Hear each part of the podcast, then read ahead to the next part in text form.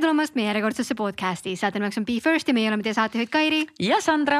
antud podcast'is räägime me inimestega, kes on Be First mentaliteediga, tehes kõike oma elus täiskäigul, kartmata olla esimene ja podcast'is püüame me siis panna nende inimeste kogemusi ja harjumusi kõrva taha, et rakendada neid oma elus paremate tulemuste saavutamiseks. ja täpselt nii, meil on täna uus fookussaade mm. -hmm. väga põnev teema, me räägime toidu talumatustest. ja toiduallergiatest. täpselt nii, nii et pange käed kokku, tehke kõvasti lärmi, tere tulemast saatesse, doktor Anneli Raavesepp.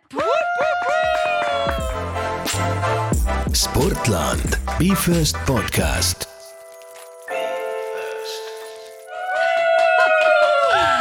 tere, tere, tere.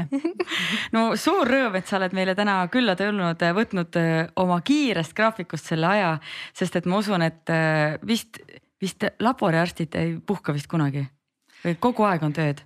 Tänan kutsumast, väga tore ja üllatuslik kutse oli tulla siia täna aga ei, eks me ikka puhkame, loomulikult puhkame, mina ka ühe jalaga tegelikult praegu puhkan. ja, ja see on ju midagi tavapärasest tegelikult teistmoodi, nii et eh, see loob ainult selliseid emotsioone ja siia võib tulla ka puhkuse ajast. vot, väga hea. kas ma saan aru, et me oleme esimene sihuke podcast, podcast, kus sa käinud oled? jaa yes,. aga, aga koolitusi mina olen käinud kunagi appi äkki kuus aastat tagasi ühel sinu koolitusel ja tegelikult olen ma käinud ka sinu konsultatsioonis tõsi ka. oi-oi, mis sul mureks oli nüüd? ma käisin toidutalumise testidel. et siis jõuame tänase teemani, ma saan aru jah?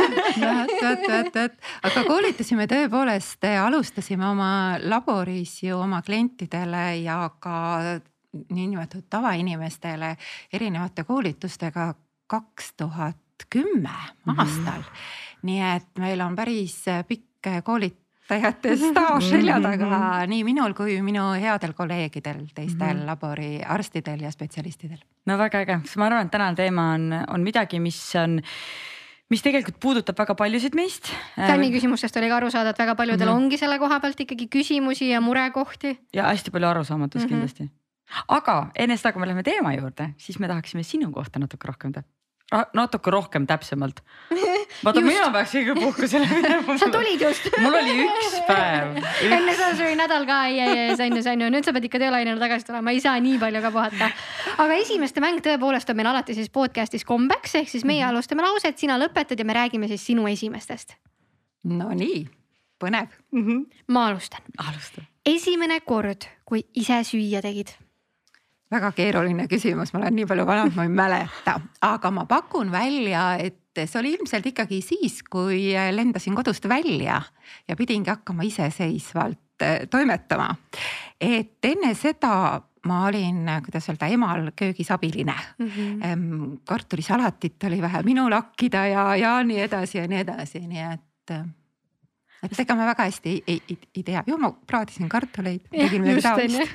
ma just tahtsin küsida, et huvitav, mis see esimene roog võis olla, kiirnuudlid? mul ka olid mitšid, täiega olid mitšid. sellel ajal kiirnuudleid ei olnud nii et ei, ei pigem ikkagi mingisugune kartuli praadimine ja ma arvan, et pigem praadimine kui keetmine mm. -hmm aga kas, kas sa mäletad ka, et mis olid need sinu noorpõlve, lapsepõlve toidud või mille peal sa üles kasvasid, on mingisuguseid selliseid? mannapudru minul Kairi, päriselt, Kairi üldse imelik, talle poole, ta ei, ta ei ainult sooja jooke. no vot, vot, vot, vot, vot, et mina tegelikult ikkagi jah, lapsepõlves sain hommikuti putru, tema keetis putru ja, ja ma mäletan, et kui vanemad läksid reisile ja vanaema pidi meid hoidma, siis tema tegi koogelmoogelit, mis oli ka fantastiliselt hea. Ja kusjuures äh, ma kasvasin maal ja mitte maamunadest, mis oleks tegelikult kollased ja, ja head, vaid ta pidi linnast tooma linnamune siis ta lõi selle muna kollase ja hästi vahtu ja see oli peaaegu valge, siis mm. noh, linnakana muna kollane ei ole nii kollane kui maakana muna. ja see oli siis nii, et kaks nädalat iga hommik koogel-moogel milline elu, oota, aga miks ta linnamunad tõi? no selle, mulle meeldis see, et siis Aa. oli sihuke noh, teistmoodi ikkagi natuke kui see maamunadest no praegu on just, et tahaks kõiki neid maaasju saada, noh. mul on külmkapis praegu värsked kurgid otse põllult on ju, siis see on ikka hoopis teine asi. ei, see on tõesti täiesti teine asi, ma ka Rõugast tulin, siis tegin, tegin suure raidi ema põlla peal, nii et äh, võtsin, korjasin kõik head asjad endale kaasa. porgandid, tomatid, kurgid, kõik kaasa, sama. ja vaata no., kui sa ise sealt põllu pealt võtad või, või, või sa oled näinud, et nad kohe põllu pealt niimoodi võeti, neil on teine maitse ju. täiesti teine maitse mm, -hmm. aga nad ongi, nad on mahlasemad, mõnusamad kuidagi ikka. nii et äh, üleskutse kõigile teile näpud mulda, otsige endale mingisugused äh.... leidke sõber, kellel on põld. jah, jah ja tegelikult on äge, minu arust Tallinnas on neid, äh, vähemalt Tallinnas on neid äh, linna linnapõlde ka kuskil. Kadriorus on ja mhm. mingisugune mm -hmm. aed, mis on, kus kasvavad igast asjad. aga neid on jube keeruline mm -hmm. saada neid, neid kohti, nii et. Aga liigume edasi, järgmine esimeste mängu küsimus. kes või mis oli sinu esimene eeskuju? no toidu osas ikka kindlasti ema tema omal ajal lõpetas kodumajanduskooli, nii et oli saanud väga hea ettevalmistuse olla perenaine.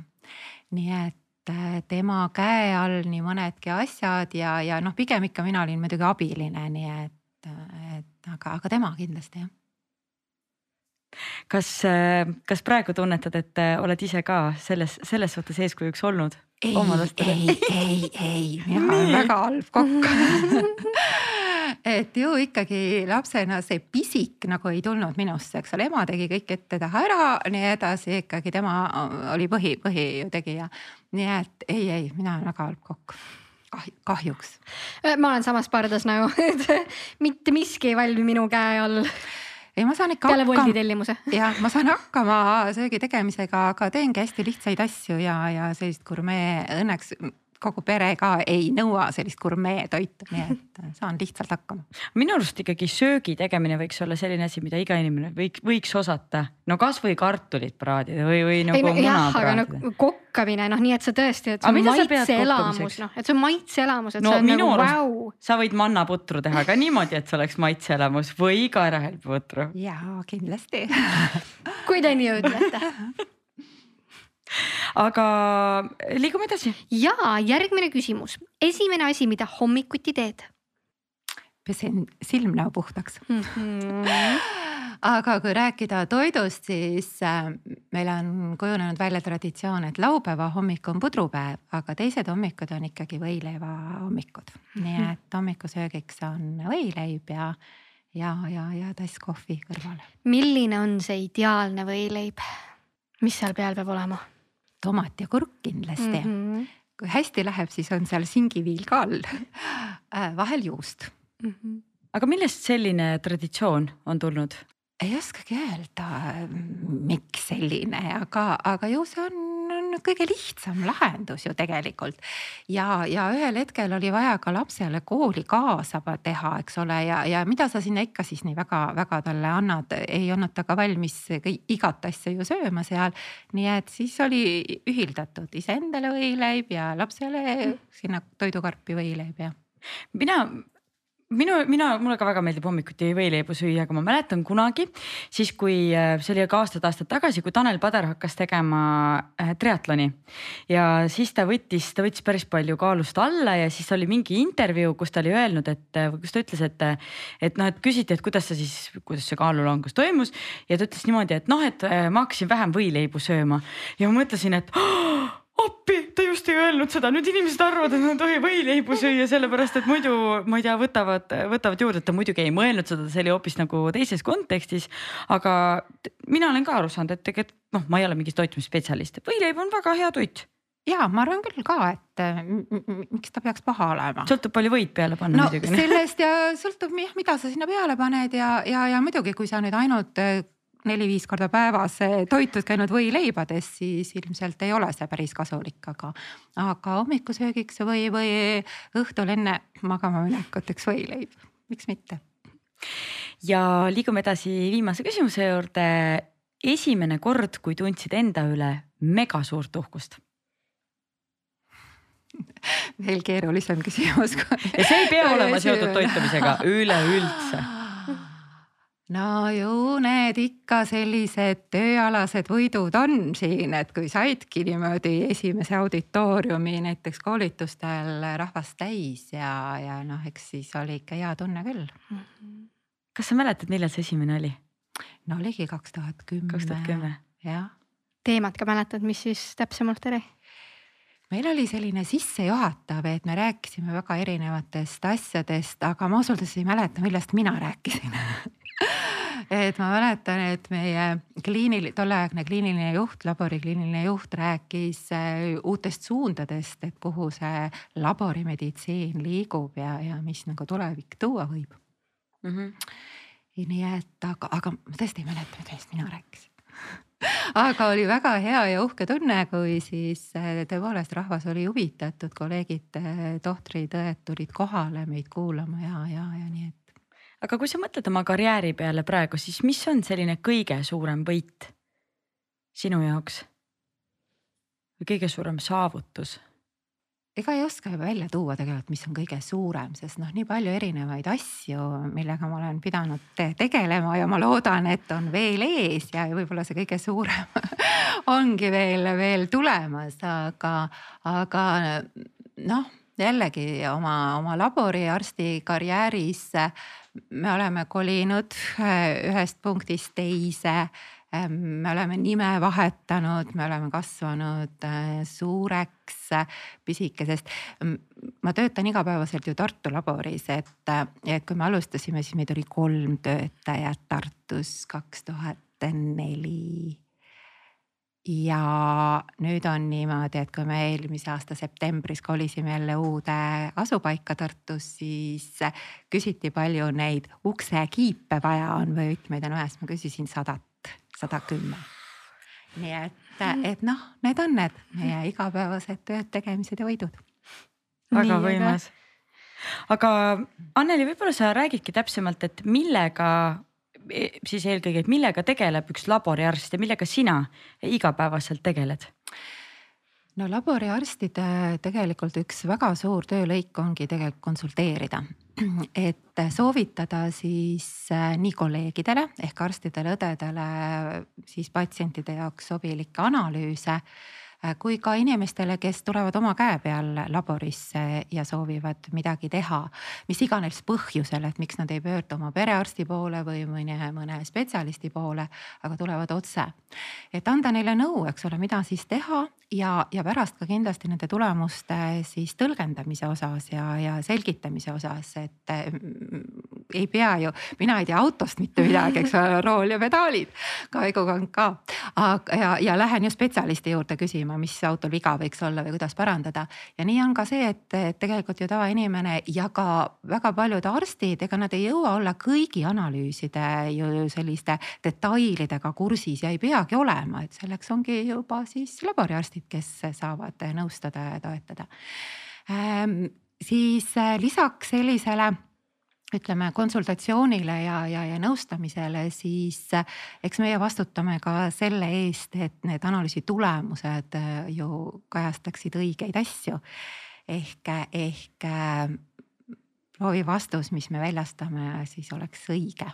on see siis kvaliteet, on see siis analüsaatorite hooldus, on see siis meie enda kolleegide, töötajatega koolitamine ja, ja, ja, ja, ja nende toetamine ka minul on lisaks veel vastutus siis meie Lõuna-Eestis asuvate väikeste satelliitide või üksuste osas, nii et ma vaatan, et seal oleks töötajad olemas ja et neil oleks kõik hästi.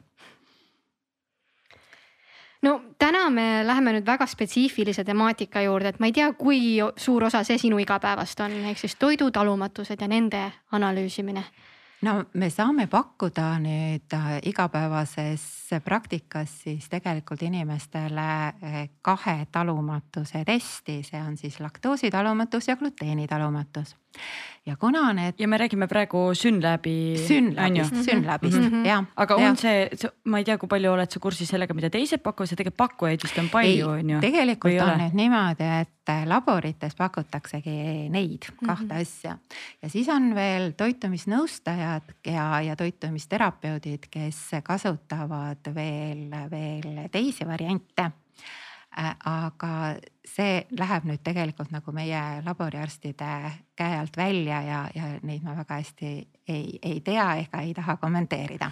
et see on pigem siis peaks olema juba siin, siin diivanil keegi teine seda tegemas.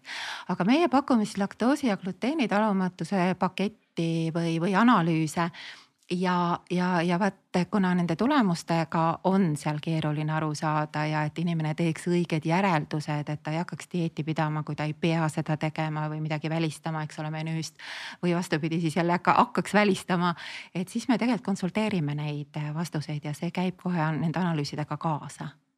ja see on, see on valdavalt minu töö astume korra sammu tagasi, räägime korra, mis asi üldse toidutalumatus on, mis see endast kujutab?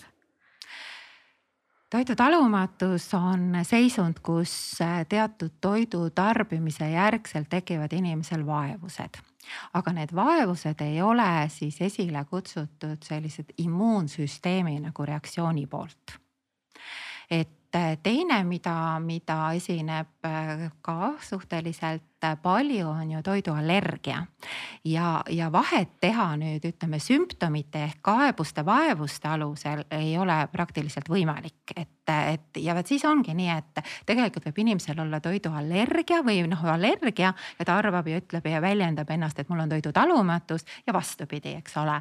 et mõned jälle kasustavad, et mul on toiduallergia aga, aga tegelikult on tal hoopis mingi, mingi talumatus.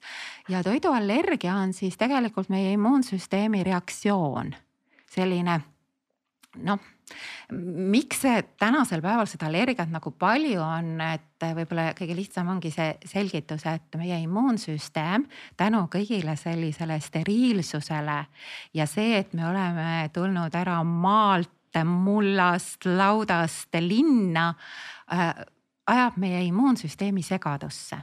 tal ei ole tööd, kõik bakterid on eemale aetud meist, eks ole, kelle vastu peaks tegelikult immuunsüsteem võitlema ja nüüd ta otsib endale tööd ja tegemist ja ta hakkab võitlema asjade vastu, mida pole vaja või mille vastu pole vaja võidelda. ja nii tekivad siis allergilised reaktsioonid. väga huvitav. et kas ma saan õigesti aru, et et, et, et, et see toiduallergia on justkui nagu kehale kõige lihtsam asi, mille vastu allergiat tekitada no, või et, et. ma ei tea, kas toit, eks ole, sest allergiat võib olla ka ju sissehingatavate allergeenide, tolmud, õie, õietolmud, eks ole, igasugused ka äh, seened, hallitused, suled, karvad, eks ole, kõigi, kõigi nende asjade vastu, et ei ole mitte ainult toit. aga, aga jah ju siis immuunsüsteem on leidnud, et seal on võimalik, ju teda miski ärritab, miks ta siis, eks ole, on võtnud mm -hmm. endale aga kui me räägime nüüd sellest lahendusest, siis kas seal on mingisugune erinevus ka toiduallergiaga tegelemisel versus siis toidu talumatusega tegelemisel?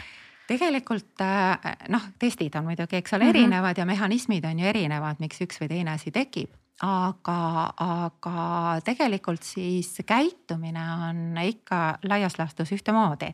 et kas mul on allergia või, või talumatus, siis ma tegelikult peaksin püüdma vältida seda, mille vastu mul reaktsioon tekib eks ole, no mis on nüüd, et talumatuse puhul mul võib olla väga kehv olla, aga sellist üliägedat eluohtlikku seisundit mul ei teki. küll aga siis allergia puhul, et, et kui ma saan seda allergeeni, siis see reaktsioon sellele võib olla üliüliäge ja lausa eluohtlik. nii et selle tõttu, et ma võin küll vältida äh, püüda vältida, eks ole, ja ma tunnen ennast hästi, aga ma peaks tegelikult teadma, mis mul on, kas mul on talumatus või allergia. ja, ja, ja, ja allergia puhul olemagi siis ettevaatlikum võib-olla ja teine olema valmis ka selleks, et kui ma juhuslikult saan eks ole, seda allergeeni, et mul on siis võimalik kuidagi ennast aidata, et mul on see allergiarohi näiteks olemas või, või, või midagi taolist aga kas, kas need toidutalumatuse jaoks allergiarohud on erinevad kuidagi näiteks nendest? toidutalumatuse puhul need allergiarohud ei aita. toiduallergia vastu ei, tähendab allergiarohud on ikka allergiarohud, eks sama, ole, et sama, mis siis on, kui sul on allergiline nohu või, või, või, või, või silma, eks ole, selle silmad äh, vesised liigselt mm -hmm. või tekib naha peale mingi lööve, et, et äh, rohud on ikka samad mm. -hmm. ja need on ju apteegis käsimüügis. no nii ja naa me rääkisime sellest, et allergiad, kust need tekivad, on ju see steriilsus, mis meil ümber on, aga kuidas toidutalumatustega on, millest need tekivad? ja kas see võib elu jooksul tekkida või see on sünnist saadik? ikka tekkida, ikka Mm. tekkida, on ka asju muidugi, mis, millega sa sünnid või, või mingi eelsoodumusega sa sünnid, eks ole, aga, aga üldiselt nad ikkagi tekivad ja kujunevad välja. et äh, noh, eks see on äh, meie selline kogu organismi äh, nõrgenemine. vale elukeskkond, vale toit ähm, kõik need kemikaalid, millega me kokku puutume igapäevaselt ja oleme kokku puutunud ja meie vanemad on juba kokku puutunud ja nii edasi. ja kui vaadata, siis mm, üheksakümnendatel aastatel ähm, olin külas Rootsis ühes peres, kus pereema kurtis, kui palju Rootsis on allergiat, meil sellel ajal väga palju, vähemalt lastel ei olnud see nii, nii aktuaalne teema. ja siis ta räägib, et on allergia, endal on tal rinnalaps, keda ta toidab ja joob apelsinimahla sinna, eks ole, peale, peale või kõrvale, et, et, et noh, seal oli, oli seda allergiat juba ennem just kõik see keemiline keemia väetistest alates kõik see. aga kuidas seda siis võimalik oleks vältida? mida me peaksime teha, sõrmed, ma ikka me jõuame tagasi sellele, sõrmed mulda. ja natukene suuga, natukene suuga seda mulda.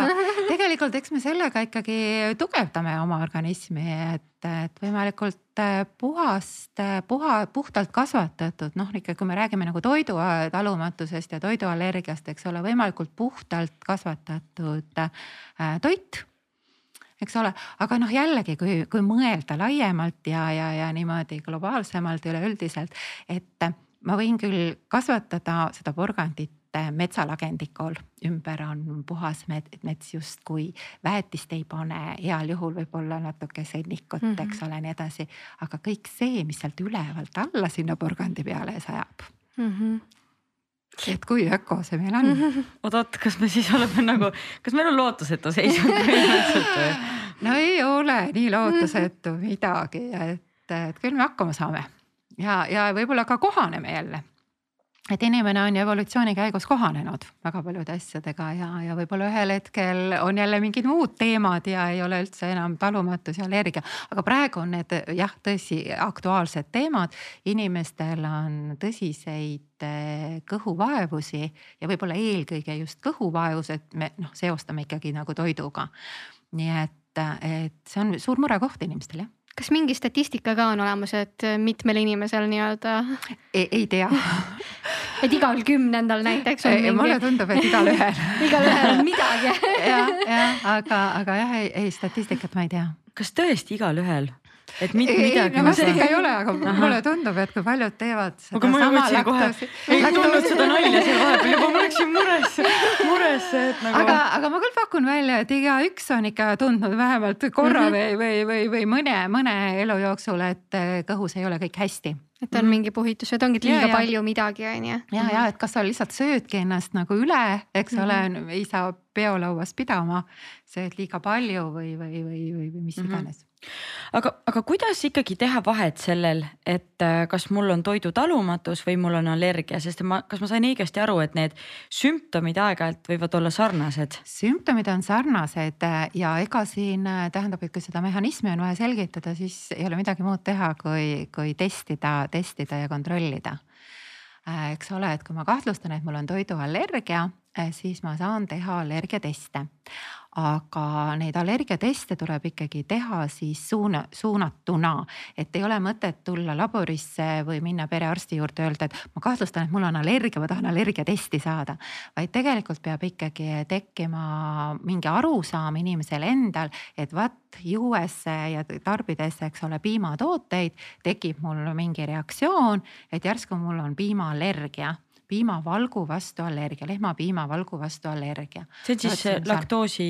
ei, see laktoos on piimasuhkur, eks ole, mille vastu tekib talumatus, aga piimavalgu vastu allergiline reaktsioon, eks ole. nii edasi ja siis ma saan tulla ja teha, eks ole, või tähendab, saab teha siis selle piima, piimaallergia testi.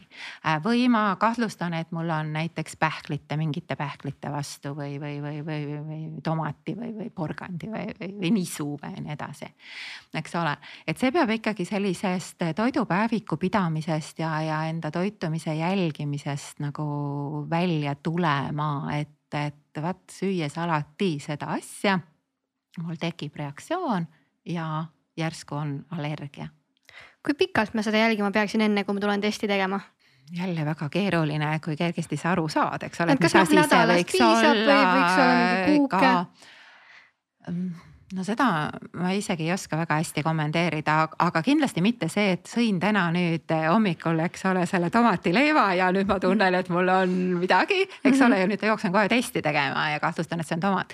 nii et ikka korduvalt, korduvalt -hmm. kasutades ja, ja, ja, ja, ja tarbides ja hinnates ja siis proovida ära jätta ja, ja kasvõi tuua jälle uuesti siis mingi eh, nädala-paari pärast tagasi ja vaadata, kas siis ka tekkis. sest ega need reaktsioonid võivad, mis kõhus toimuvad, võivad olla ka noh stressist tingitud või, või ka mingitest sellistest asjade kokkulangemisest, eks mm -hmm. ole, ka, ka et just nimelt, et tegelikult tomatiallergiat ei ole, ei ole ka tomati talumatust, vaid, vaid süües seda tomatileiba nüüd millegi muuga koos, võib-olla tekkis hoopis see, see reaktsioon mm. -hmm. seal oli magamata öö ja stress ja, ja kõik see ka veel juures ja, ja saingi liigsed gaasid endale ma, ma väga tahaks selle toidupäeviku kohta küsida, aga enne seda ma tahaks küsida natuke nende nende sümptomite või vaeguste kohta, et mis, mis need põhilised asjad on, mis tekivad, äh, lööve?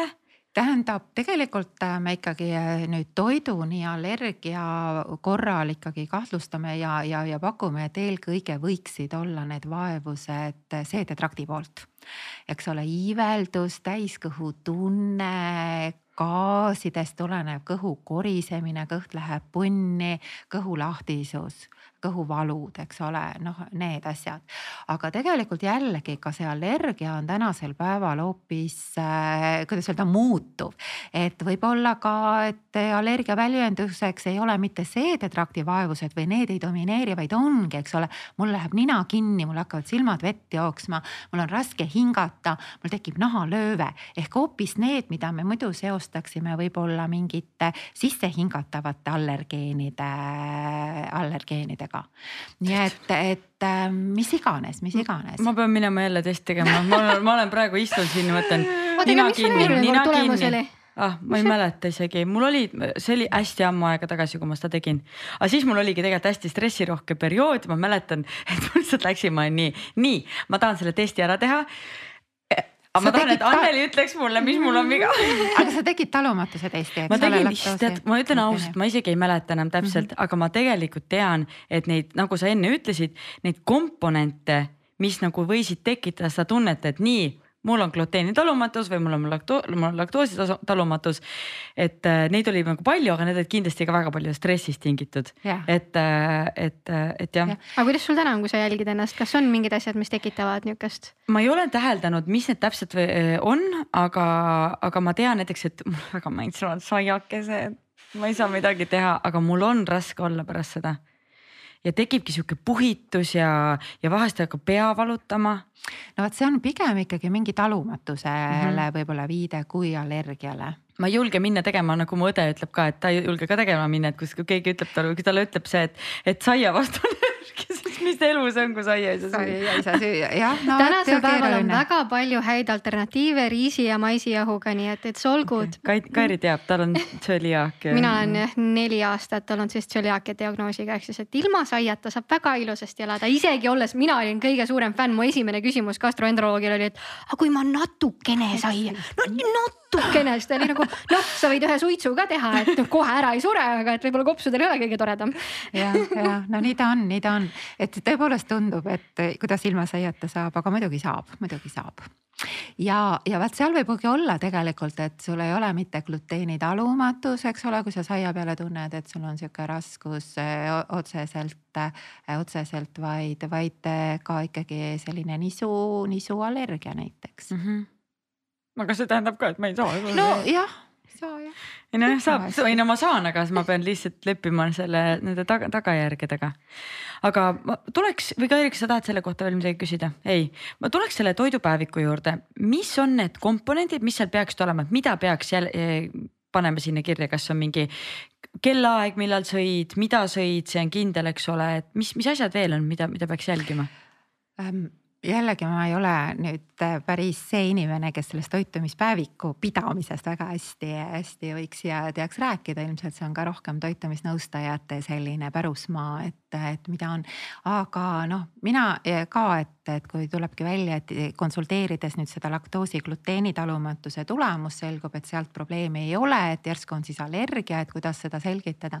et esimesena ikkagi hakkad panema kirja ju neid äh, suuremaid asju, eks ole, et et, et hommikul kell kaheksa sõin vot, eks ole, selle võileiva, nii edasi. noh, ma kujutan kohe ette ju ise, mis seal võileiva peal siis olla võis, eks ole. Äh, mis leiba ma armastan, mida mul kodus, mida ma ostan, eks ole, ja nii edasi. ja, ja, ja, ja kuidas ma siis, eks ole, paari tunni jooksul ennast nagu tundsin enne, enne järgmist äh, sööki ja mis ma siis järgmisena sõin, mis ma siis järgmisena sõin, eks ole ja, ja, ja kas sealt hakkab juba, juba midagi kooruma ja siis edasi juba detailsemalt, eks ole, et aga noh, mis see võileib siis on, eks ole. ja, ja püüan siis kasvõi ka hakata välja vahetama, eks ole, et aga kui ma kasutan leiva asemel, eks ole, vaat selle leiva asemel mingit teist leiba, et kuidas ma siis tunnen, et kui ma kahtlustan, et leib on, eks ole. jätan või sealt pealt ära, noh näiteks või, või, või, või, või jätan siis selle tomati ära, et kuidas siis on ja, ja, ja siis toon jälle tagasi, eks ole, selle asja ja vaatan, kas sama reaktsioon tekkis no aga kujutame nüüd ette, et Sandra siis kaardistas ära ja tõepoolest iga kord peale selle saiakese söömist on ikka nadi olla, siis kuidas see protsess välja näeb, et ma tulen teie juurde, mis ma tegema pean, vereproov või on mingi? kõigepealt ma nutan. kõigepealt ma nutan. ära enne tulemusi nuta jah, et äh, ja üks on muidugi ja, ja eks oma kõhuvaevuste ja igasuguste kahtlust terviseprobleemidega on ju mõistlik ikkagi pöörduda oma perearsti poole ja temaga nõu pidada ja arutada ja, ja, ja, ja ka tema arvamus ära kuulata.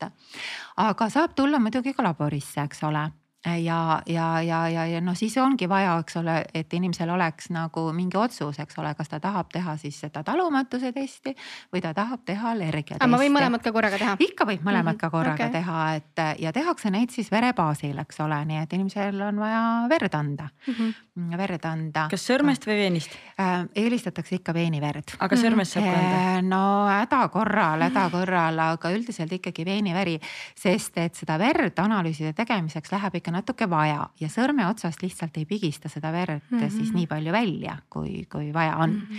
ja, ja veel, mida inimesed ju ei, ei nagu ei mõtle, ütlevad, et, et võtke sõrmest, on see, et sõrmest vere võtmisel lisandub verele hästi palju koevedelikku. vaata sõrme pigistatakse, et sealt sellist suuremat kogust verd kätte saada, kuigi see suur kogus on tegelikult mikroliitrid, eks ole, me räägime üliväikestest veretilkadest ju tegelikult ja kogusest mis siit on.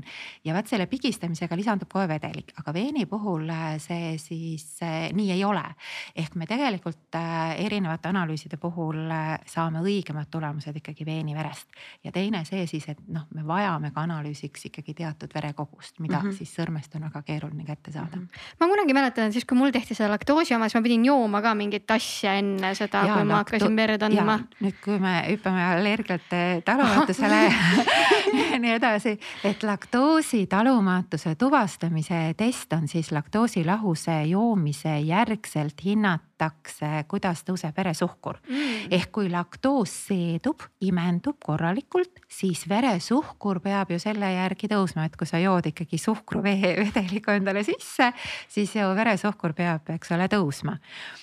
ja, ja, ja seal ongi siis omad kriteeriumid paika pandud, et kui hästi veresuhkur tõuseb et kas siis on kõik korras või eks ole, tõus on äh, olematu või väga väike, et siis ongi näha, et seal taga on siis laktoosi omastamise häire ja kui inimesel ka lisanduvad ja kaasnevad, eks ole, vaevused, siis on tal laktoositalumatus jah kas gluteenitalumatuse puhul peab siis enne saia sööma või?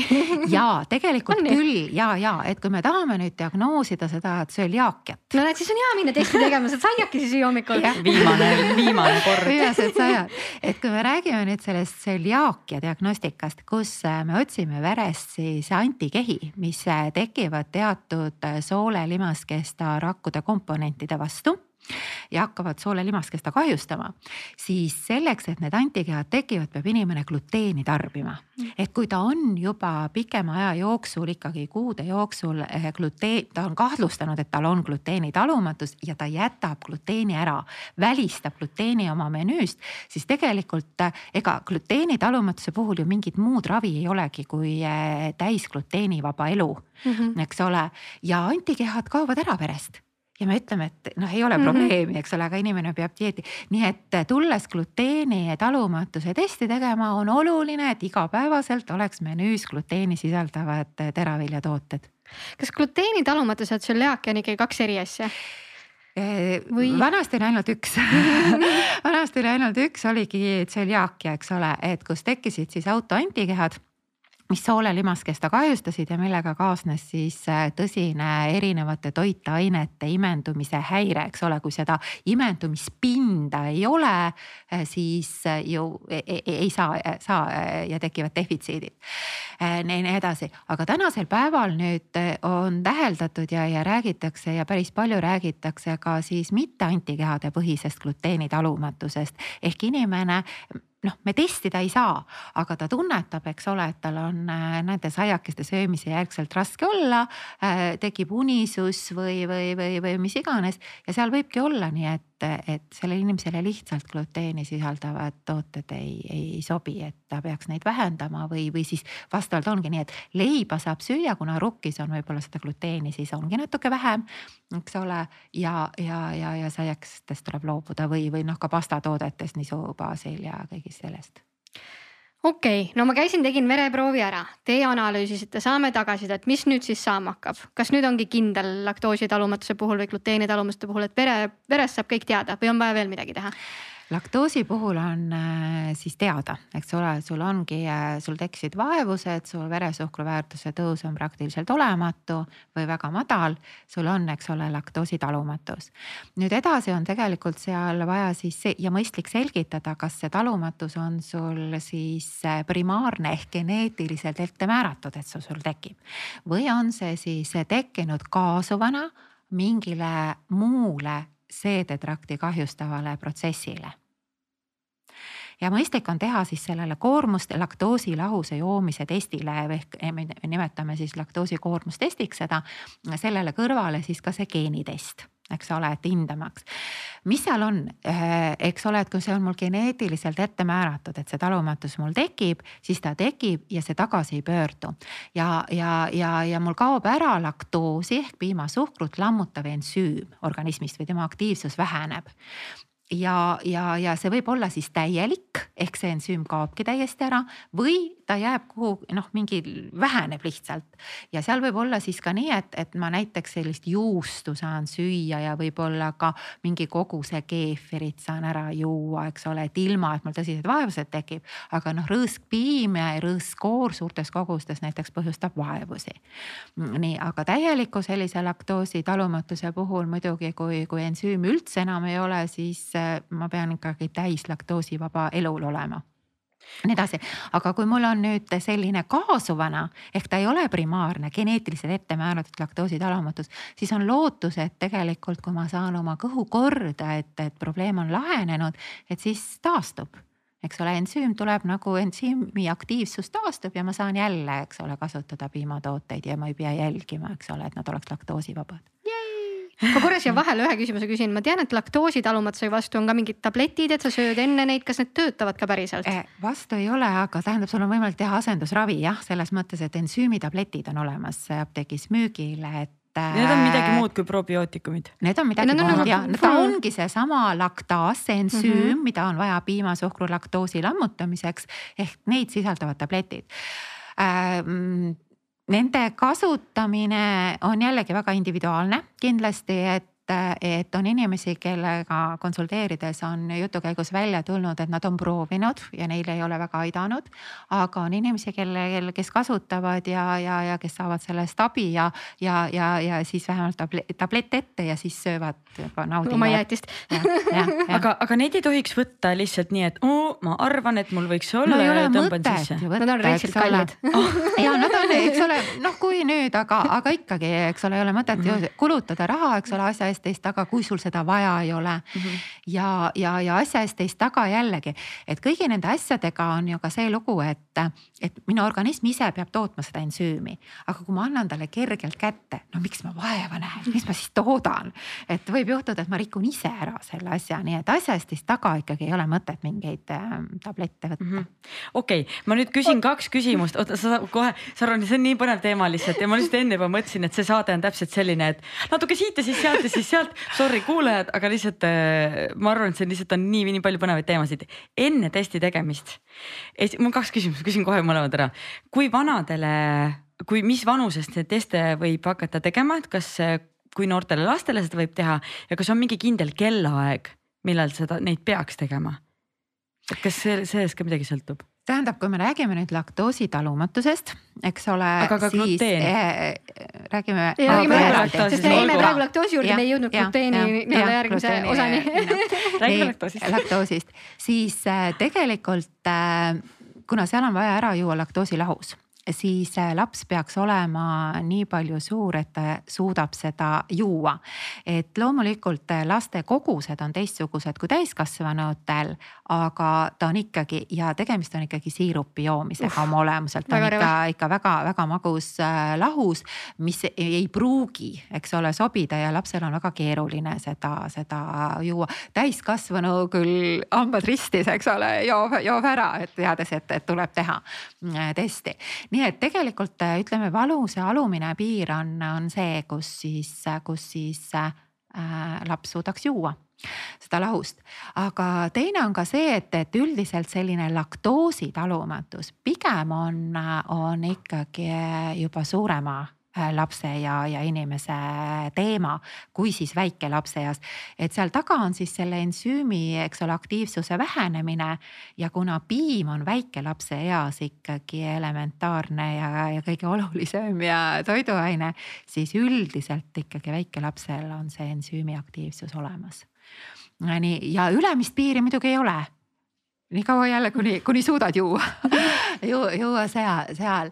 Äh, mida veel, eks ole, et, et tegelikult siis ka kui on kahtlus, et seal võib midagi olla, äh, siis on noh geenitesti võimalik, eks ole, teha, et see on nüüd lihtsalt vereproov, et siis ei pea ju jooma. siis sa saad nagu teada, et sul on geneetiline eelsoodumus, piima peale saab, eks ole, reaktsiooni.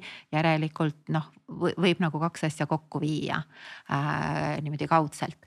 nii et et äh, see allergiatestid jällegi noh, ka jällegi, et peaasi, et vere kätte saab, et mm, -hmm. et aga seda saab juba, juba väga väikestel võtta, nii et. aga kellaajaliselt ei ole vahet? kellaajaliselt, kuna nüüd äh, jällegi allergiatesti puhul ei pea inimene olema päris absoluutselt söömata.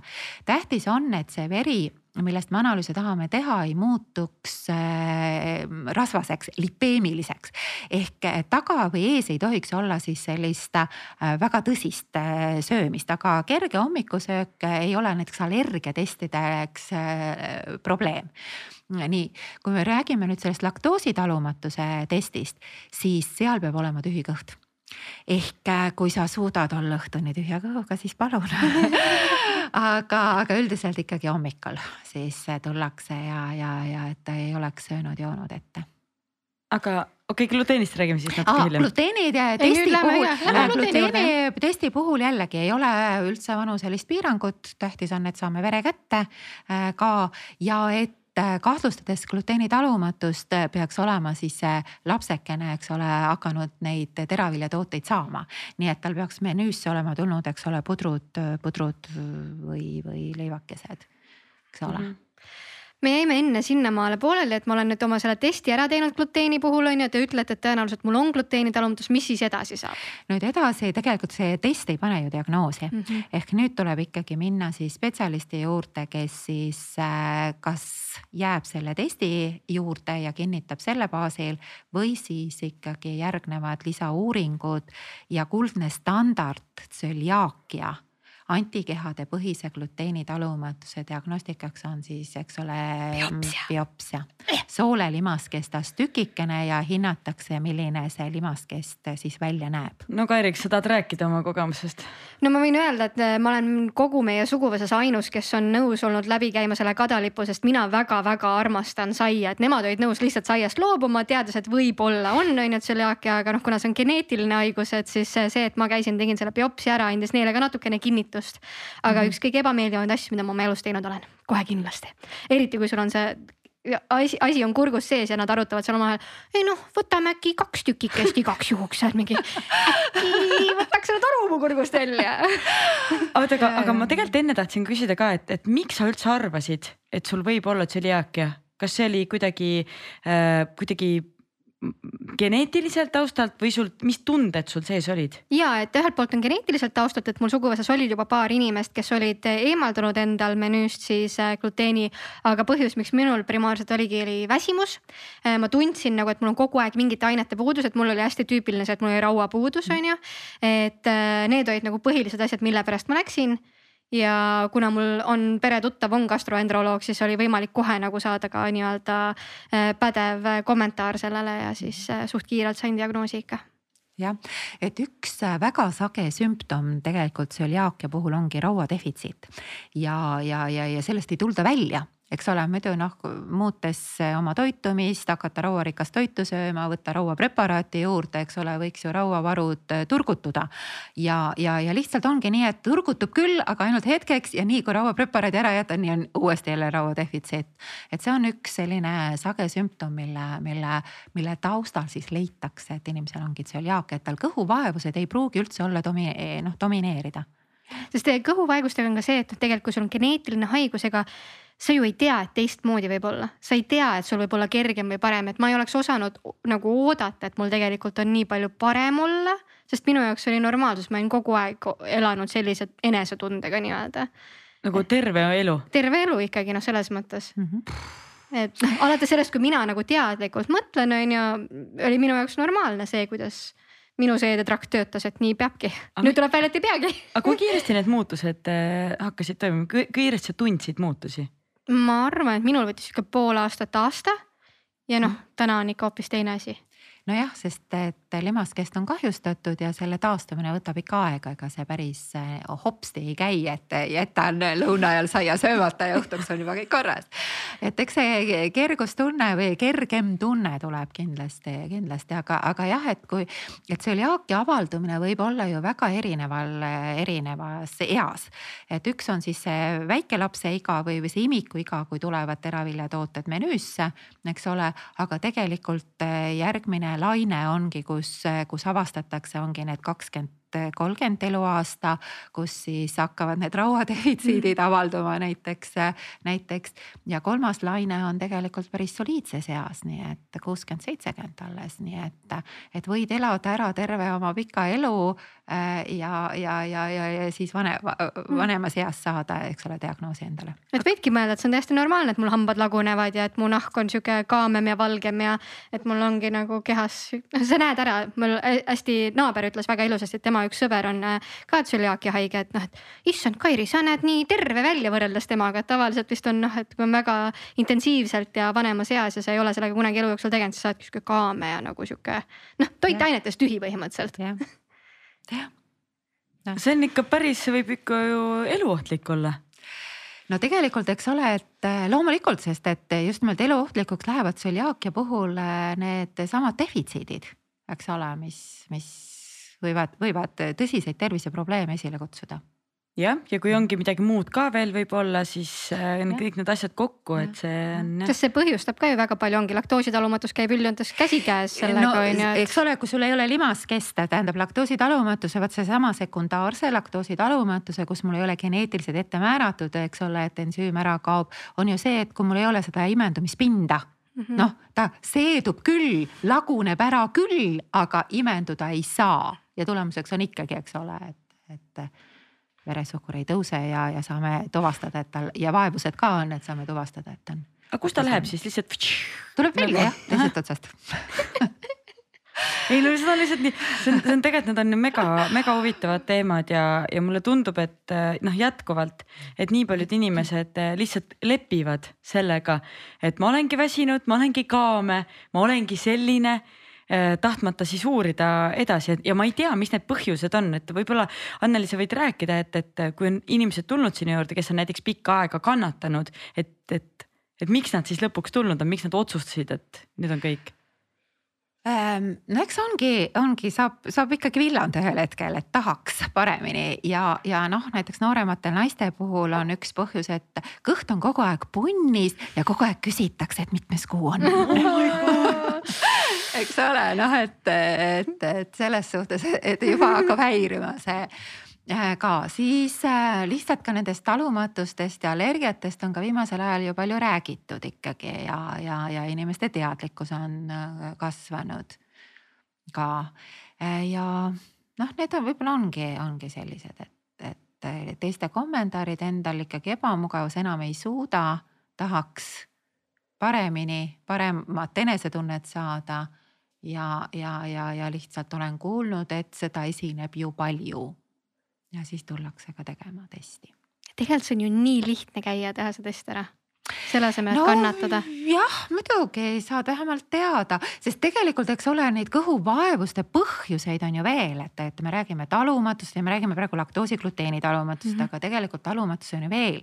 et äh, seesama äh, laktoosi talumatuse põhjus on siis äh, ensümaatiline, eks ole, ensüüm kaob ära. ensüüm on nüüd asi, mis seda piimasuhkrut peab lammutama tükkideks mm, -hmm. et ta suudaks imenduda piltlikult öeldes. nii, aga tegelikult selliseid ensüüme on nüüd erinevate asjade lammutamiseks meie seedetraktis ju, ju, ju sadu erinevaid ja sealt võib olla ju mõne muu, eks ole, ensüümi defitsiit, et, et ma, miks ma ühte või teist asja näiteks ei, ei talu siis ähm, jällegi noh, ilmselt, äh, ilmselt ikkagi meie organismi vastupidavuse või üleüldine nõrgenemine on see, miks meil näiteks äh, mingisugused säilitusainete suhtes võivad tekkida reaktsioonid, eks ole, või, või nende värvainete osas, et, et ei pea olema allergia, vaid võibki olla, olla ikkagi talumatuse mehhanismid seal taga, taga, et, et kohvi äh, paljudel on või mis paljudel, ma ei tea, kui paljudel mm, -hmm. aga, aga kindlasti võib olla ka see, et ongi seedetrakti, seedetrakti, eks ole, põletik sealt tulenevalt tekivad mul kõhuvaevused. siis seedimisprotsessis osalevad tegelikult jämesooles olevad mikroobid. väga oluline on, et neid mikroobe oleks piisavalt, et need oleks õiged mikroobid seal ja et nad oleks õiges vahekorras seal ka, aga mida kõik jälle sellesama keemia söömisega, erinevate haigustega, antibiootikumide kasutamisega. kiiresti saan haigusest jagu, aga tegelikult kogu organismis olevate normaalsete, meid toetavate, aitavate mikroobide tasakaal läheb ka paigast ära, nemad ju ka tapetakse ära haigustekitajate kõrval. ja vaat, vaat sealt, eks ole, võivad tekkida kõhuvaevused ja, ja stress on kindlasti ka see, mis, mis tegelikult seedimisprotsesse ju mõjutab ma korra tulen nende antibiootikumite juurde tagasi, et üks asi on see, et me võtame neid ise teadlikult, sest et arst on välja kirjutanud. aga teine asi on see, et me ka tihti sööme neid kuidagi teiseselt sisse, et on ju paljud loomad, kellele antakse ja, antibiootikume, et. et noh, ma ise ei ole ausalt öelda väga spetsialist selles, aga noh, nii palju, kui ma olen, olen, olen kuulnud, et noh, ikka ju kariloomadele antakse, et siis sa sööd seda liha sisse või mm -hmm. jood piima, kus on palju -hmm. noh, ma ei tea, kuidas, mis nagu Eesti tootjad, äh, kui palju nemad Ega, kasutavad. me tegelikult et... ei tea ju seda jah, täpselt. no aga sa pead ja, ikkagi ju, sul on nii palju loomi korraga ühes ja, laudas, et sa ikkagi ja, pead. jah, jah, nii et mm -hmm. jah, et üks on see, mida siis, eks ole, arst on välja kirjutanud ja, ja ma võtan oma kurguhäda puhul või, või, või, või kopsupõletiku puhul või eks ole, või, või mingi muu põletiku puhul. aga teine on just see jah, mida me võime niimoodi no, varjatult saada mm, -hmm. mida me ei oskagi kahtlustada, kus, kus on. nii et tehke rohkem taimseid teisipäevi ja võib-olla ka neljapäevi ja miks mitte ka pühapäevi jah, aga sealt jälle võib-olla mingid muud asjad no, täitsa lõpp, noh kinni saab olla. see on igatpidi balansseeritud toitumine lihtsalt, et kõigest natukene, kõigest halvast natukene. kõigest natukene, kõigest natukene. kõigest heast natukene et tegelikult jällegi, eks ole, tulles nende defitsiitide juurde, siis äh, teatud asjad me ikkagi saame kätte loomsest toidust. ehk kui me ei kasuta loomset toitu, siis me peame olema teadlikud ja neid kuidagi neid mineraalaineid, vitamiine teadlikult juurde võtma. mis jällegi on preparaadi võtmine, mis jälle omakorda on mingisugune keemia, värvained ja nii edasi, mis ei ole väga võib-olla hea ja taimse toidu puhul on jällegi ka see, et tegelikult kõik need väetised ja kõik see, mis sealt ülevalt alla mhm. tuleb ka, et, et jah, nii ta on. ja siis see säilitamine, eks ole, et kui täisväärtuslik see kõik on. igatpidi raske. igatpidi raske, aga, aga tegelikult selline kõike mõõdukalt mm, -hmm. kõike mõõdukalt no mõistusepäraselt mm. -hmm. veel tulles nende kõhuhädade puhul, et et, et kui noh stressist, eks ole, et võib stress olla üks põhjus ka. järgmine on muidugi selline, kuidas öelda, vale toitumine üleüldse, eks ole.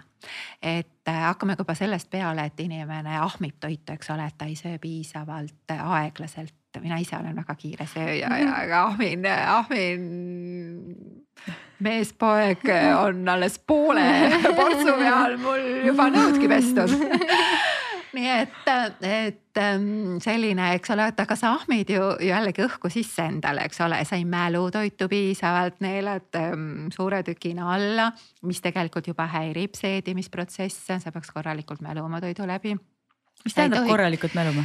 no mis see on, kolmkümmend korda või? iga hamba jagu igale hambale üks, üks mälumine. aga katsu nii kaua mäluda, eks ole, et siis on ammu see ära kadunud sul sealt. see on lihtsam süüa püree suppi no vot, eks ole, ja siis äh, jällegi, kui nüüd tuua võrdlused näiteks, eks ole, Titega, kes ju ka seal äh, rinna imemise või lutist imemise kõrval, eks ole, võtab seda õhku sisse endale, eks ole. ja siis on vaja see krooks välja lasta. tal muidu äh, jälle soodustab gaaside teket mul ei tule krooks välja mm, -hmm. kuhu see gaas läheb, eks ole, kuhu see õhk läheb, eks ole, soolestikku, soolestikku. nii et tuleks krooksutada täiskasvanud no, ka krooksutama. no katsuge krooksutada mm, -hmm. ei, ei tule seda krooksu niimoodi nii ja, ja, ja järgmine muidugi, mis, mis on, on, eks ole, see regulaarsus ka, eks ole, et tegelikult võiks ja peaks sööma ikkagi üks neli korda näiteks päevas. Äh, pigem vähem, pigem mitte nii, et, et pilgeni kõht täis on need ägised ja, ja oled vaevas, vaid nii, et sinna mahuks veel, aga nüüd suudad piiri pidada. nii et eks neli-viis korda päevas, pigem korraga vähe, aeglases tempos ja seda siis, eks ole, regulaarselt niimoodi tehas noh, mõelge oma päevaplaanide peale, kas ja kui palju te suudate niimoodi teha. mina söön hommikul ja siis, kui koju õhtul tulen, siis ei tea, mida kõik ära sööks, eks ole. ja siis ma tahan, et mul oleks kõht korras. no ei ole ju ja noh, ongi seal vahepeal ka, et kui sa neli korda pead sööma, siis katsu sa seda nii-öelda balansseeritud toitu saada, ikka võtad kiirelt, haarad midagi kuskilt on ju seal vahepeal ja siis mm -hmm. lõpuks avastadki, et sööd liiga palju liha või söödki ainult mingi hot dog'e. no saab ka alati ette planeerida endale asju kaasa teha, et äh, Kairi väga, sa olid väga tubli vahepeal. väga tubli olin. mis juhtus praegu on isegi okei okay,, sest ma töötan kodust enamuse ajast, ma ei käi stuudios, siis ei ole vaja, siis ma saan kodus teha süüa endale. aga ma, ma, ma ikka tahan nende testide juurde korra tagasi mhm. tulla, mis need maksavad? kasvõi umbkaudselt. haigekassa on kehtestanud mm. analüüsidele hinnad, et, et üldiselt ka meie laboris kehtivad haigekassa hinnakiri, hinnakiri. nii et näiteks allergiatestid on seal suurusjärgus ütleme kümne euro kanti siis üks allergeen, eks mm -hmm. ole, hinna, hinnata. et oleneb, palju sul siis vaja, vaja neid hinnata on, sealt tuleb see hind. iseenesest nüüd äh, laktoosilahusel on oma hind, eks ole äh,, veresuhkru määramisel on oma hind, hind, eks ole, ja sealt tuleb. et ähm, perearst kirjutab saatekirja laborisse, ega me ei mõtle ja ei tea, mis analüüsid on, analüüsid on kallid tegelikult mm -hmm. jah jah, nii et ega aga see odav on... lõbu ei ole, aga jällegi, eks ole, vaevelda, pingu, olla hädas, eks ole, teadmatuses ja võib-olla mingeid valesid otsuseid tehes, eks ole, et, et oma tervis ju maksab ka midagi. no see on see kõige, kõige kallim vara, olgem ausad, et oma tervis on ikka põhiline ja see ei ole nagu sa hakkaks iga kuu seda tegema, et teed korra ära, siis on nagu pilt ikkagi selge, et siis aga, aastate pärast võid uuesti minna. aga need komplekstekstid te,, tekstid, testid, et äh, lähed näiteks Synlabi kohale, teil on ju mingid paketid seal on ju, et seal on mhm. välja juba arvutatud, et mm, -hmm. et seal on need, need, need, veretestid, et, äh, et mis, mis, mis nende kohta. seesama selline öelda? kompleks, kus on nüüd laktoositalumatus ja gluteeni antikehade põhine tsöliaakia diagnostika sees, et selle suurusjärk on seal kuuekümne, seitsmekümne euro juures mm. -hmm jah, tegelikult hakkadki mõtlema, et noh, jätad mingi. paar saiakest veel nädalas vahele ja. jah, täpselt, et see hoiab, see on kõik enda, enda tervise, tervise heaks aga no ma kujutan ette, et seal saab ikkagi neid ikka nagu sadadesse eurodesse on võimalik neid teste no, loomulikult teha. loomulikult on, loomulikult on, aga jällegi, jällegi, kas, kas on ka mõtet teha, et alustaks kuskilt otsast ja mm., ja, ja, ja üks test muidugi tingib ja ja, ja siis saab soovitada võib-olla järgmist, eks ole. et kohe tulla ja teha nüüd nagu ma ei tea, kõikvõimalikud testid, et seda ei ole ilmselt mõistlik ja mõtet mm. -hmm. ma tahaks natuke müütide kohta küsida et läksid silmad, et noh, et võib-olla noh, sina suhtled inimestega iga, igapäevaselt, kes tulevad pärast testide tegemist sinu juurde konsultatsioonile. Eh, mis, mida sa kuuled, mis on nagu sellised kõige suuremad valearusaamad toidu, toidu talumatustest ja ka allergiatest? no kõige suurem ongi ju see, et inimesed tegelikult äh, ei tea, mis neil on, eks ole, ja, ja nad ajavad, ajavad segamini, et on inimesi, kes tulevad, ütlevad, et mul on talumatus ja, ja jäävadki raiuma, et neil on talumatus, eks ole. ja on vastupidi terve grupp inimesi, kes kahtlustavad, et neil või nende pereliikmetel, lastel on näiteks allergia, eks ole, toiduallergia äh, ka, et, et, et see, see on võib-olla kõige, kõige sellisem. Et, et need on kaks ise asja mehhanismid, miks nad tekivad, on erinevad. kuigi jah, sümptomid ja, ja, ja, ja siis see käitumine tegelikult pärast on nagu sarnane mm. -hmm. et need on kõige sellisemad et tas, tasuks teha natuke guugeldamist enne ja veidike lugeda, sest ma kujutan ette, seda infot on nagu mega palju. no kindlasti on jah Ja. väga seinast seina väga erinevate seisukohtadega, aga õnneks meie jälgijad on väga targad ja kuna meil on spetsialist saates, siis nad on meile saatnud küsimused. Nonii. nii et Nonii. Äh, vaatame siit siis mõned, mis, äh, mis on küsimused, nii kui palju toidutalumatus tekitab alanenud meeleolu, kas see võib mõjutada psühholoogiliselt ka? ja ka selline, kuidas öelda, räägitakse ka psühholoogilisest toidutalumatusest ehk, ehk ma ise nagu, kuidas öelda, genereerin või sugereerin endale, et, et mulle ei sobi see toit, et see tekitab mul vaevusi. ja mida rohkem sa asja üle nagu mõtled, seda rohkem tekitabki ja tekitabki justkui, eks ole. nii et sa nagu genereerid iseendale, endale need talumatused ja nii et mhm. ja kindlasti selline, selline, kuidas öelda, meeleolu langus, depressioon, suur stress, see paneb ju nagu ka valesti toituma, eks ole. ja juba see, et sa siis ei suuda ennast pidurdada, sa sööd valesid asju vales koguses, kogu aeg tahad, kogu aeg on nälg, kogu aeg midagi, noh mhm. eks ole, närviline, tahad, tahad kuidagi. ma ei tea, mul on rõõmsanaga kogu aeg kõhtu siis tahaks rõõmust süüa lihtsalt. süüa, nojah, ega see rõõmu emotsioon võib ka olla selline, mis paneb, et tahaks midagi head, eks ole. aga, aga jah, et ootus, ärevus, stress, eks ole ju ei, kuidagi ei saa sealt kommikausist eemale, eks ole, ja, ja see, et nii, et, et sa võid genereerida iseendale jah. aga kas võib ka teistpidi olla, et, et ongi, kui mul on nüüd mingi talumatus või noh, ütlemegi tegelikult tsüliaakia puhul ka on ju. et see, kui mul on mingite toitainete puudus siis see tekitab mul mingeid psühholoogilisi häireid ka ikkagi, on see variant? no seesama rauadefitsiit mm, -hmm. eks ole, raud on väga oluline meie aju normaalseks just, toimimiseks just. ehk, ehk ka sealt, eks ole, võivad tekkida noh eks see kõik on nagu omavahel seotud, eks ole, raud on oluline selleks, et sul oleks mälu mm -hmm. hea. nii, kui sul on mälu, ei ole hea, siis sa oled stressis mhm. juba selle tõttu või depre-, peaaegu depressioonis yeah. selle tõttu, et sul ei ole. muuseas ka selline depressiooni kalduvus raua defitsiidile täiesti mm, -hmm. täiesti võib omane olla. nii et, et söödki valesid asju ja yeah., ja, ja, ja tekib tekivad vaevused sellest. meil ikka keha on ikka kõik omavahel seotud. ma selle raua kohta tahaks ikka küsida, et, et seda ei tohiks võtta ju lihtsalt nii, et ma arvan, et mul on rauadefitsiit, see mulle tundub, et see on, kui raud hakkab kuidagi, ma ei tea, seda liiga palju sööd. ja siis ta kuhjub, eks ole, ja, ja ta võib muutuda keharakkudele toksiliseks, kui ta sinna rakkudesse palju suures koguses äh, ladestub. nii et asjadest taga ei ole mõtet ja jällegi ka, eks ole, nende samade, kordan nagu veel ükskord juba küll ütlesin, aga, aga tuletan meelde, et võttes, eks ole, seda rauapreparaati asja eest teist taga nii organism saab kergelt raua kätte, miks ma pean seda toidust siis võtma, ehk ma, kui ma pidevalt ja, ja, ja pikaajaliselt, eks ole, annan kergesti kätte saad, see kõik kehtib erinevate vitamiinide, mineraalainete, nende toidulisandite kohta ka. kui sa tahad midagi võtta, kombineeri, võta kuu ühte, kuu teist, kolmandat, eks ole, vaheta nii edasi.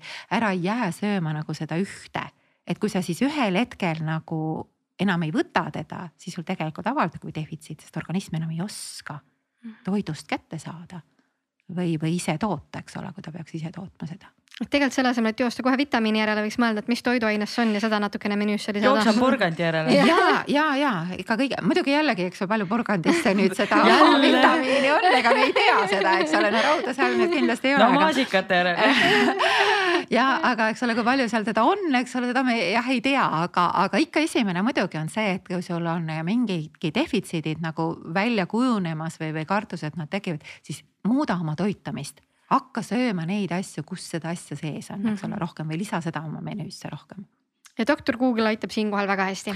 no jälle aitab jah äh, aga muidugi Tervise Arengu Instituudi poolt, eks ole, välja töötatud ju toitumis-liikumissoovitused kaks tuhat viisteist vist äh, avalikustatud ka, et seal on ka välja toodud äh, oluliste mineraalainete, vitamiinide, eks ole, need vajadused, kogused ja ka siis toitude sisalduse, eks ole, mhm. millises toidus kui palju on. et sealt kindlasti ma usun, et need on siuksed päris head alused, kust võiks vaadata, et päris võib-olla iga igalt poolt guugeldada ei maksa. Nii, ma vaatan, siin on järgmine küsimus, kas piimhappebakterit peaks iga natukese aja tagant võtma? miks? see on väga hea küsimus. Ei, ma arvan, et ei pea, ei pea, et see ongi jällegi see, eks ole, et, et noh, kui ma nüüd oma valetoitumise selle suure keemiaga, eks ole, antibiootikumidega rikun ära oma sooles olevate mikroobide normaalse tasakaalu, siis tegelikult ma ei tea ju, keda ma olen alla surunud. kes domineerib, kes ei, ehk pimesi võtta ei ole nüüd tegelikult ju pointi ja mõistlik. nii et, et et tegelikult ma peaksin nagu hindama kõigepealt, eks ole, et milline see vahekord on ja, ja kas, kas ja, ja, ja, ja keda ja sealt siis turgutama seda, keda vähe on. et tasakaal jälle normaliseeruks. Ja ma ei näe küll, tähendab söö, joo normaalset toitu ja ma ei tea, miks peaks. Väga hea, siit tuleb järgmine küsimus, millega asendada sai ja sepikut kui väga tahaks seda süüa, aga ei tohiks. nuusuta lihtsalt ja siis ampsa õuna peale no vot seda ütleb suur saiasööja ka, et ega noh, ei olegi ju, ju, ju otseselt eh, sõna otseses mõttes seda saia, mida me oleme harjunud, eks ole, nisujahust te tegema, et ega seda ju millegagi asendada niimoodi ei saa, aga, aga ongi jah, alternatiivid siis erinevad. Eh, ja mina jahud. julgen väga soovitada Share'i tooteid, et isegi minu tuttavad, kes peavad sama asju sööma, mis mina aeg-ajalt ütlevad, et noh, täitsa leiva moodi nii et. tegelikult on ka igal pool kohvikutes, näiteks ma teen jälle reklaami, rohekohvik, seal on väga häid äh, gluteeni ja laktoosivabasid äh, tooteid ja mm -hmm. ka saiakesi, mis mhm. maitsevad mm -hmm täpselt sama hästi kui, kui tavalised saiad et on neid kohvikuid ja neid restorane, ma arvan, on veel, kes, kes mm -hmm. pakuvad seda, et ja võin öelda, olen isegi mina Kairi kõrvalt võtnud seda Share'i leiba, see on palju suurem, see viil by the way ja maitseb küll täitsa hästi. ja üks viil maksab üks eur noh. Just saying. jah, eks ta on kallim kindlasti ka, aga, aga no ega midagi teha ole. ja, ja kui tahad Ene- leiba, siis nii on noh. enesetunne maksab. no meil on siin väga palju küsimusi, millele me tegelikult juba vastused saime, et ongi, et pealmised sümptomid on ju. siin oli, Siretil oligi küsimus, et kui söömise ajal läheb nina vesiseks, kas see võib olla ka siis söögitalumatus, aga siin me jõudsime, et võib-olla allergia võib-olla allergiaga taga seal Ja jah, söögi- jah, jah. täitsa, et kas on laktoositalumatus väljaravitav, kui ei ole geneetiline, sest teoorias on, on ju mm. -hmm. kas siin on, et kas kõikide toitude suhtes võib tekkida talumatus?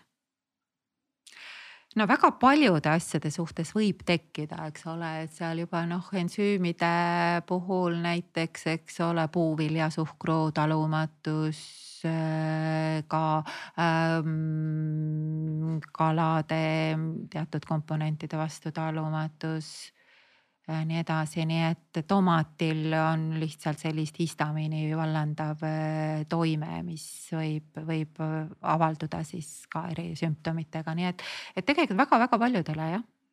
aga kas on mingid sellised levinud kombod, mis võivad tekitada allergiat või talumatust, näiteks, et ma, ma kunagi mäletan sellist ütlust, et või keegi kuskil rääkis, et, et ei tohi süüa koos puuvilju ja piimatooteid, sest et need puu, puuviljad hakkavad seal kuidagi käärima ja siis see piim siis hakkab kuidagi, no ma ei tea, kas see on üldse õige ma öelda? ei, ei tea, ma ei oska kommenteerida ja kas selliseid äh, kooslusi nüüd just, just on, et, et, et kui ma nüüd tomatit söön saiaga, et siis on parem ja kui ma tomatit söön leivaga, et siis ma saan, eks ole, reaktsiooni või, või tomatit kurgiga söön, et salatina siis, eks ole, saan re- reaktsiooni ja saia peal ei saa. et äh, kui tomat on äh, probleemne, siis ta on ju igas variandis, eks ole, probleemne et, et noh, lihtsalt ongi teatud, teatud võib-olla sellised sagedamini probleeme põhjustavad toiduained, eks ole, kas siis allergiat esile kutsuvad või, või ka talumatuseid esile kutsuvad, eks ole. et noh, allergia puhul ikkagi, kui me hakkame nagu lapseeast peale, siis on piimmuna, nisu eks ole, sellised, millele võib allergia tulla. Äh, täiskasvanuna võib-olla, eks ole, piim asendub pigem, pigem mingite koorikloomadega ähm,, sojaga, eks ole, siis pähklitega, erinevate pähklitega. Mhm. et, et noh, need on sellised, et ma just äh, omal ajal, tähendab, mina olen ülikooli lõpetanud tegelikult lastearstina. ja minu esimene, esimene töökoht oli hoopis jaoskonna pediaater äh,. nii edasi ja siis noh, vot lastel ka seda allergiat. eks teda ikka ju oli meil nii-öelda vene ajal ka. et päris, päris ilma ei olnud ja siis, eks ole, et lehmapiima allergia lapsele, et ei saa piima anda, et anname sojapiima, et tegelikult on soja ka üks väga tugev allergeen ja, ja seda sojat tänasel päeval on ju väga paljudes asjades mm. -hmm. Mhm. kõigi, no eriti kui sa oled taimetoitlane, et siis seda on ikka menüüs väga palju. -hmm. nii, nii noored, me oleme väga palju nüüd rääkinud sellel teemal ja minul mm -hmm. on Mhm. juba pilt äh, suhteliselt selge. Sandra mm, -hmm. kas sul on küsimusi või me pakime tänase saate kokku? no millal mul küsimused otsa saavad? ei, mulle tundub ka, et me saime päris, päris hästi selle kogu selle teema täna kaetud, noh, nii palju kui tunni ja viieteist minutiga jõuab. kas on midagi, millest me ei rääkinud, mida sa tahaksid veel mainida?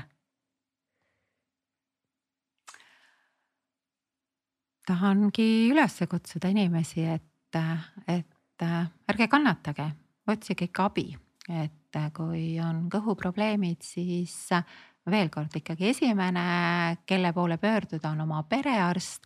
Ah,. millest me ju ei rääkinud, on tegelikult see, et, et kõik need erinevad põhjused. Ja tänasel päeval ju räägitakse ärritatud soolasündroomist ja, ja, ja, ja vahel ongi nii, et lihtsam on inimesele öelda, et sul on ärritatud soolasündroom, aga tegelikult selle diagnoosi püstitamiseks peaks olema siis kõik muud asjad ju ära uuritud, eks mm -hmm. ole, et sul ei ole soolepõletikku, sul on mikroobide tasakaal korras, sul ei ole allergiat, sul ei ole talumatuseid, eks ole. et sul ei ole maovaevusi, maohaigusi, eks ole, et, et siis saab panna seda ärritatud soolasündroomi ja eks see meie suurest stressist ja ikkagi järjekordselt valest toitumisest on, on tekkinud. oota, aga mis see on üldse? See ongi, sa rea-, sinu kõht reageerib väga erinevatele asjadele, täna hommikusele kohvile näiteks täna ja homme mitte kohvile, vaid äh, mingile muule asjale, mida sa tarbisid, eks ole, ja, ja sul on ikka jälle needsamad vaevused, ega need seedetrakti vaevused on olenemata põhjused on ühesugused, eks ole. sul on äh, iiveldust, sul on liigselt gaase ja sealt siis see kõhupuhitus, äh, eks ole, kõhulahtisus, valud, noh, kui sool on täis gaasi tagasi, siis ta on pinges ja, ja, ja põhjustab ka valu, eks ole. et kõik needsamad sümptomid mm. -hmm aga, aga noh, vot ei olegi nagu, nagu otsest sellist põhjust, eks ole, ei ole, et, et nüüd, kui ma ei söö ei söö näiteks, eks ole, laktoosi, et siis mul ei ole vaevusi mm -hmm. laktoositalumatuse puhul sa ei, ei tarbi laktoosi mm. -hmm. aga selle ärritatud soolasündroomi puhul lihtsalt ongi hästi regulaarne toitumine, vähe korraga, rohkem või pigem sagedamini. ja, ja kõik need üldteatud sellised noh, väga vürtsikad suitsutooted, eks ole, sellised, mis võivad ärritada, noh ka kohvi, eks ole, tühja kõhu peale. et, et püüda nendest siis hoiduda.